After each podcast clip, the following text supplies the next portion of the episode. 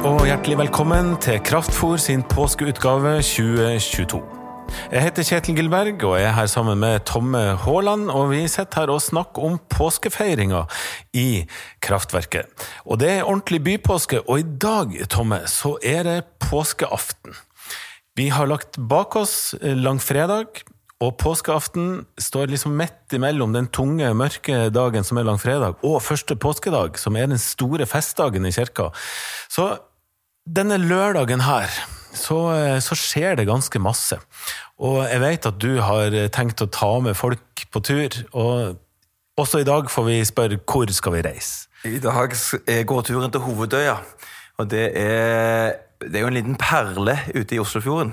Og ikke bare blir det tur til Hodøya i, i Perlen, men det blir altså jordnøtter Jonenøtter Nei, påskenøtter med quizmaster Jone Stødle. Og de som har vært med på hans quizer før, de vet at det er noe å glede seg til.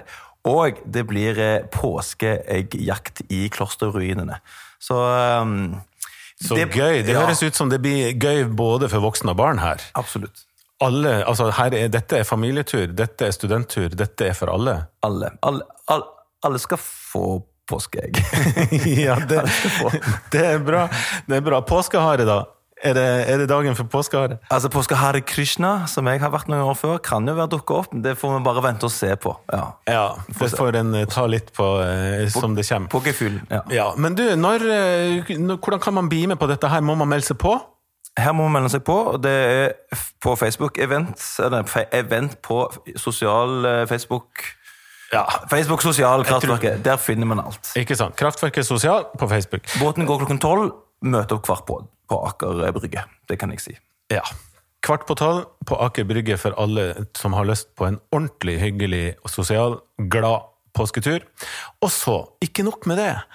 Eh, på kvelden, seint, seint i kveld, så tar du med folk tilbake til Uranienborg, og der skjer det noe spesielt. Ja, Klokken 11 på kvelden, 23.00, så er det altså eh, en messe der som en, lang, eh, en påskeaften.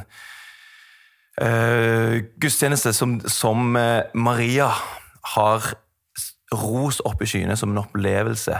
Eh, der når lyset tennes midt, midt under gudstjenesten der, så er han, hun sier at det er en, det er en opplevelse for sansene, for ørene, for, for synene. For, altså det, hun, har, hun har anbefalt den så varmt, så det er noe. Det blir et, et høydepunkt å få med seg. Tror vi.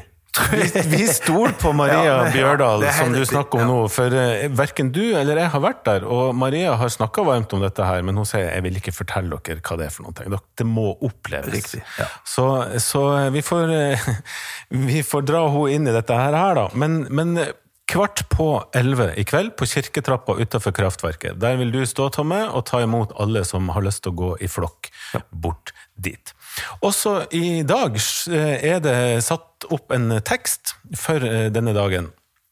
En tekst der, der alt snur ifra mørke mot lys. Og den står altså i Markus 16, vers 1-8, og jeg tenker at den skal jeg lese nå. Da sabbaten var over, kjøpte Maria Magdalena og Maria Jakobs mor og Salome velluktende oljer for å gå og salve ham. Tidlig om morgenen den første dagen i uka kom de til graven da sola gikk opp. De sa til hverandre, Hvem skal vi få til å rulle bort steinen fra inngangen til grava? Men da de så opp, fikk de se at steinen var rulla fra. Den var meget stor. Da de kom inn i graven, så de en ung mann sitte på høyre side kledd i en hvit, lang kjortel, og de ble forferdet. Men han sa til dem, Vær ikke forferdet, dere leter etter Jesus fra Nasaret, den korsfestede. Han er stått opp, han er ikke her. Se, der er stedet hvor de la ham. Men gå og si til disiplene hans, og til Peter, han går i forveien for dere til Galilea, der skal dere få se ham, slik som han sa dere. Da gikk de ut og flyktet bort fra graven skjelvende og ute av seg. De sa ikke et ord til noen, for de var redde.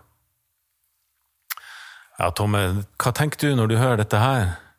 Ja, når jeg hører den settingen 'der skal dere få se ham', eh, etter noen dager med mørke, med tvil, mm, hva skjer? Deres gjenkjennelsesgleden. Jeg ser for meg eh, det, det, vakre Når du er på en flyplass og ser folk se hverandre igjen, litt den der Der skal du få se han. Det håpet man har, møtes. Eh, ja, og man får se. Eh, det er akkurat som man ja, gjens, altså både gjensynsglede, men òg det som var mista, det som var tapt, finner tilbake igjen. Og det mm, Ja, det syns jeg er en utrolig flott test. Og det blir òg veldig fint for de som blir med og opplever dette i Uranienborg kirke, når lyset tennes.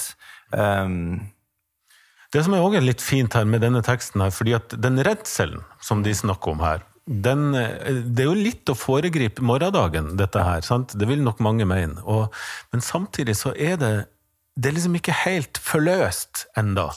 De er kjempeglade, men redd. Akkurat sånn som man er når man gifter seg, f.eks. Mm. Eller får ja. sitt første barn.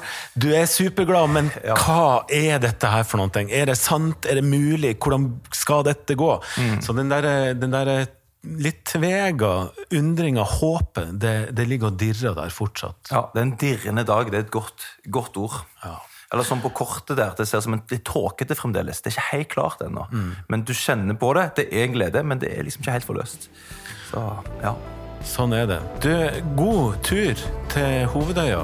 God tur til Uranienborg. Det høres ordentlig fint ut. Og så ønsker vi alle ei riktig god påskeaften.